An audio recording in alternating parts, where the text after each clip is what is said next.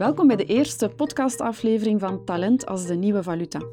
Ik ben Ans de Vos en vanuit het expertisecentrum Next Generation Work van Antwerp Management School doe ik onderzoek naar duurzame loopbanen.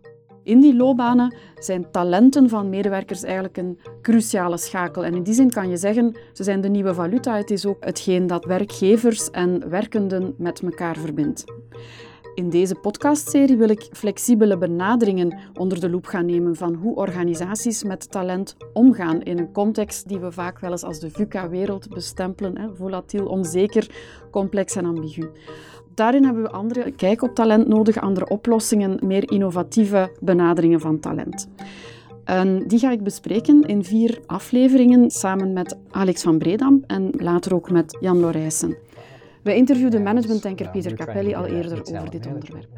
Getting the right people in the right place at the right time is exactly the supply chain management problem. I think one of the things in human capital that we didn't appreciate very much uh, before was what happens when you make mistakes, right?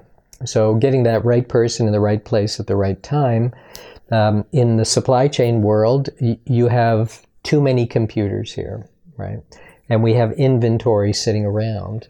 That's really expensive. On the human resource side, we never thought of it being really expensive. You know, you have a bunch of people with really nothing to do. We kind of found them something to do, or we were paying them really for doing nothing and we weren't calculating that.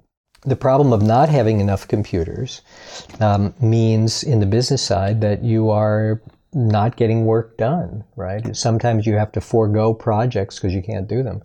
Or the alternative was you were running around outside to try to hire people at the last minute and paying a lot of money to get them to come in. So, on those dimensions, it's remarkably similar the only, the places where it starts to differ is that when you think about making talent is obviously different than making computers, right? Um, and the other difference is that in regular supply chains, inventory stays put. If you have too many computers and you set them there, you come back in a week, they're still there. If you have too many people trained and developed to be senior engineers, and you come back in six months, they're walking away. Alex, welkom. Uh, ik heb je al benoemd als mijn collega, maar je bent daarnaast ook uh, CEO van Trivisor. Dus je bent uh, eigenlijk vanuit twee invalshoeken, zowel vanuit het supply chain gebeuren als vanuit eh, het matchen van de behoefte aan personeel en, het, en de beschikbaarheid van personeel, ben je eigenlijk een expert. Dus dank je om hier te zijn. Misschien kan je jezelf nog even verder voorstellen voor we ingaan op wat uh, Capelli naar voren brengt. Ja, dus uh, ooit uh, gestart met de Master of Global Supply Chain Management, nog steeds daar actief. Zoals gezegd, ik ben CEO van Trivisor, ook oprichter van Trivisor. Um, Trivisor is een, een, disruptief bedrijf in de logistiek dat eigenlijk uh, carpooling voor cargo organiseert. Het is niet meer dan het, laten we zeggen, delen van capaciteit. En delen van capaciteit is iets wat ook uh, hier in de talent supply chain heel sterk aan bod komt, want je gaat in geval van tekorten, ga je proberen de capaciteit met meerdere te delen. Nu, Pieter Capelli die gebruikt het beeld van de supply chain um, om aan te geven dat um, de problemen die een goed supply chain management moet aanpakken, hè, dat die eigenlijk niet zo verschillend zijn van waar een human resource eh, manager mee bezig moet zijn. Hè, namelijk de juiste persoon op de juiste plaats op het juiste moment. Um, Volg je dat? Heeft het zin om mensen te bekijken zoals goederen in een supply chain, los van uh, hoe dat, dat overkomt op die mensen zelf, die vergelijking, maar, maar het principe van uh, nadenken over hoe kunnen we die flexibele matching eigenlijk zo goed mogelijk realiseren? Zeer zeker. Hè? Je probeert, in de supply chain probeer je vraag en aanbod op elkaar af te stemmen. En waar ik daarnet even zei dat wij carpooling voor cargo organiseren, bestaat er ook een carpooling voor mensen. Dus er is heel wat gelijkenis. Uh, het enige probleem is dat goederenstromen niet nadenken.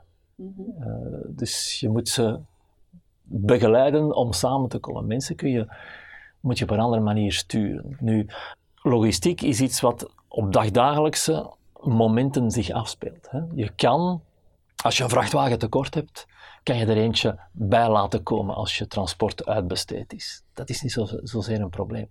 Dat kun je veel moeilijker met, met human resources doen. Je kan niet zomaar voor één dag iemand laten komen. Of je zou dat wel kunnen, maar toch niet voor, voor alle functies die zich in een, in een bedrijf aanbieden. Dus je hebt daar, ja, je hebt daar, zeggen, dezelfde concepten, dezelfde principes, maar in een andere tijdsdimensie. Maar het afstemmen van vraag en aanbod is, is iets waar de beide, de beide takken van sport wel mee te maken hebben. Nu, een van de vragen hè, waar dat zowel dan je vanuit een supply chain perspectief als een HR perspectief uh, mee zit, is hoe gaan we, hè, als we um, behoefte hebben aan capaciteit of aan, aan competenties of talent, als ik het zo mag noemen, um, gaan we dat intern ontwikkelen of gaan we dat op de externe arbeidsmarkt aankopen of gaan we dat tijdelijk inschakelen? Pieter Capelli maakt zo het onderscheid tussen eigenlijk drie antwoorden die je kan geven op een vraag naar talent. Gaan we het ontwikkelen, build in het Engels, gaan we het uh, buy, gaan we het kopen extern of gaan we het borrow? Gaan we het tijdelijk via freelancers, via consulting, onderaanneming uh, tijdelijk uh, inhuren? Um, Zie je daar um, parallellen met hoe dat, dat ook binnen supply chain wordt benaderd? En welke pisten lijken u vandaag de dag in een modern HR-beleid dan toch ook wel de meest zinvolle om te bewandelen? Ik denk dat een zeer relevante uh, vergelijking uh, daar mogelijk is.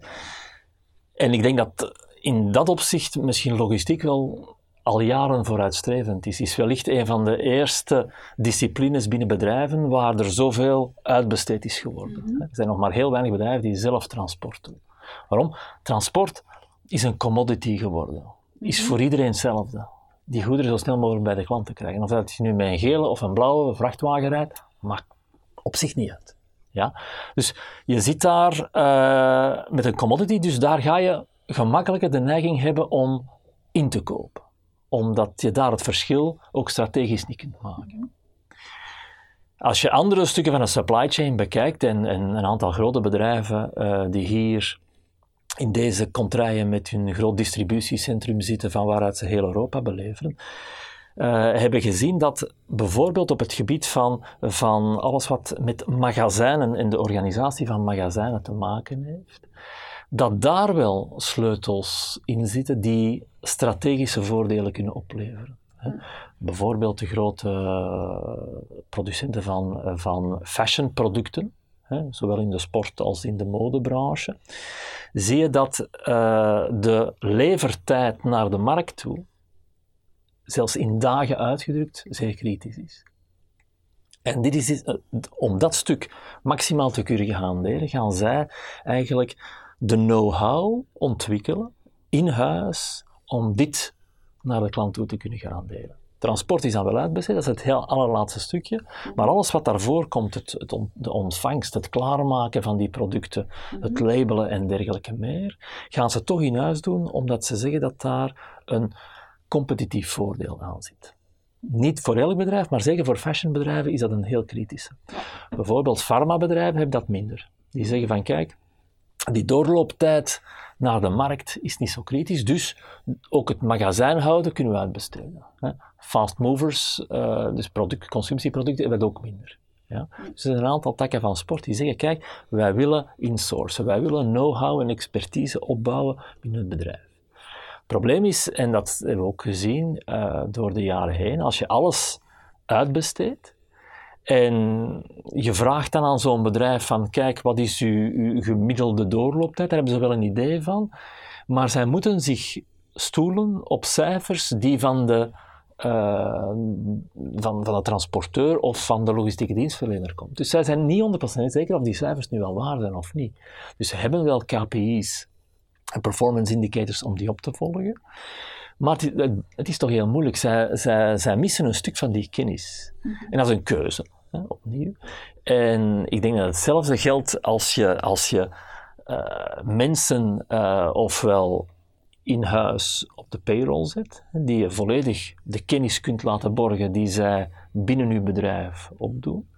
En anderzijds, uh, als je mensen van buitenaf afneemt, dan ga je ervoor proberen die borging te doen, maar dat is veel moeilijker. Ja. kun je veel moeilijker opleggen, denk ik. Want ik hoor jou net het verschil maken of, of benoemen van uh, wanneer wordt dit als een commodity beschouwd.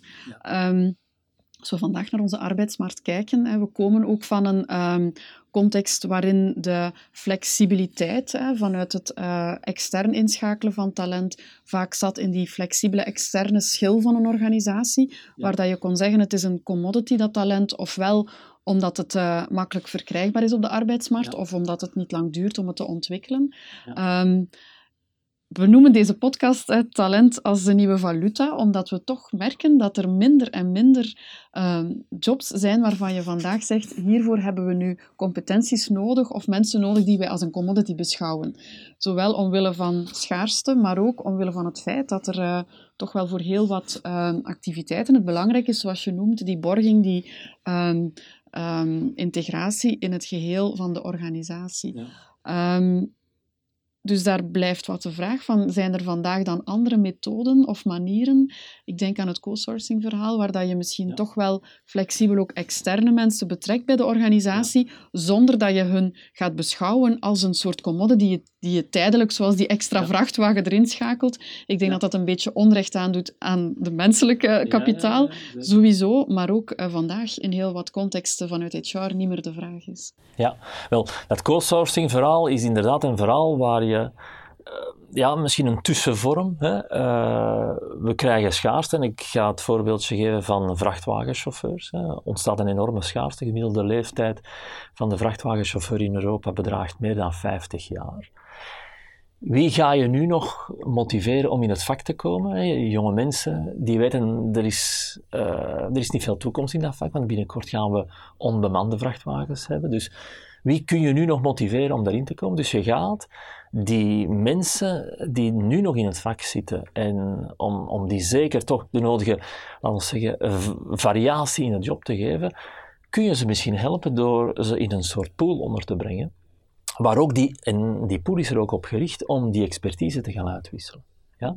Als een aantal uh, bedrijven zeggen van kijk, wij, hebben geen, wij vinden geen vrachtwagenchauffeurs meer en ze gaan de weinigen die er zijn proberen beter te delen, proberen ook de pieken en de dalen op elkaar af te stemmen, wel dan ga je eigenlijk verschillende heren dienen. In de zin, je gaat het vrachtwagenbedrijf dienen, hè, dat capaciteit vindt, maar je gaat ook de, de, de werknemers uh, helpen in, in een grotere variëteit en diversiteit. En we hebben vastgesteld dat bij het opzetten van, van zo'n van zo'n pool.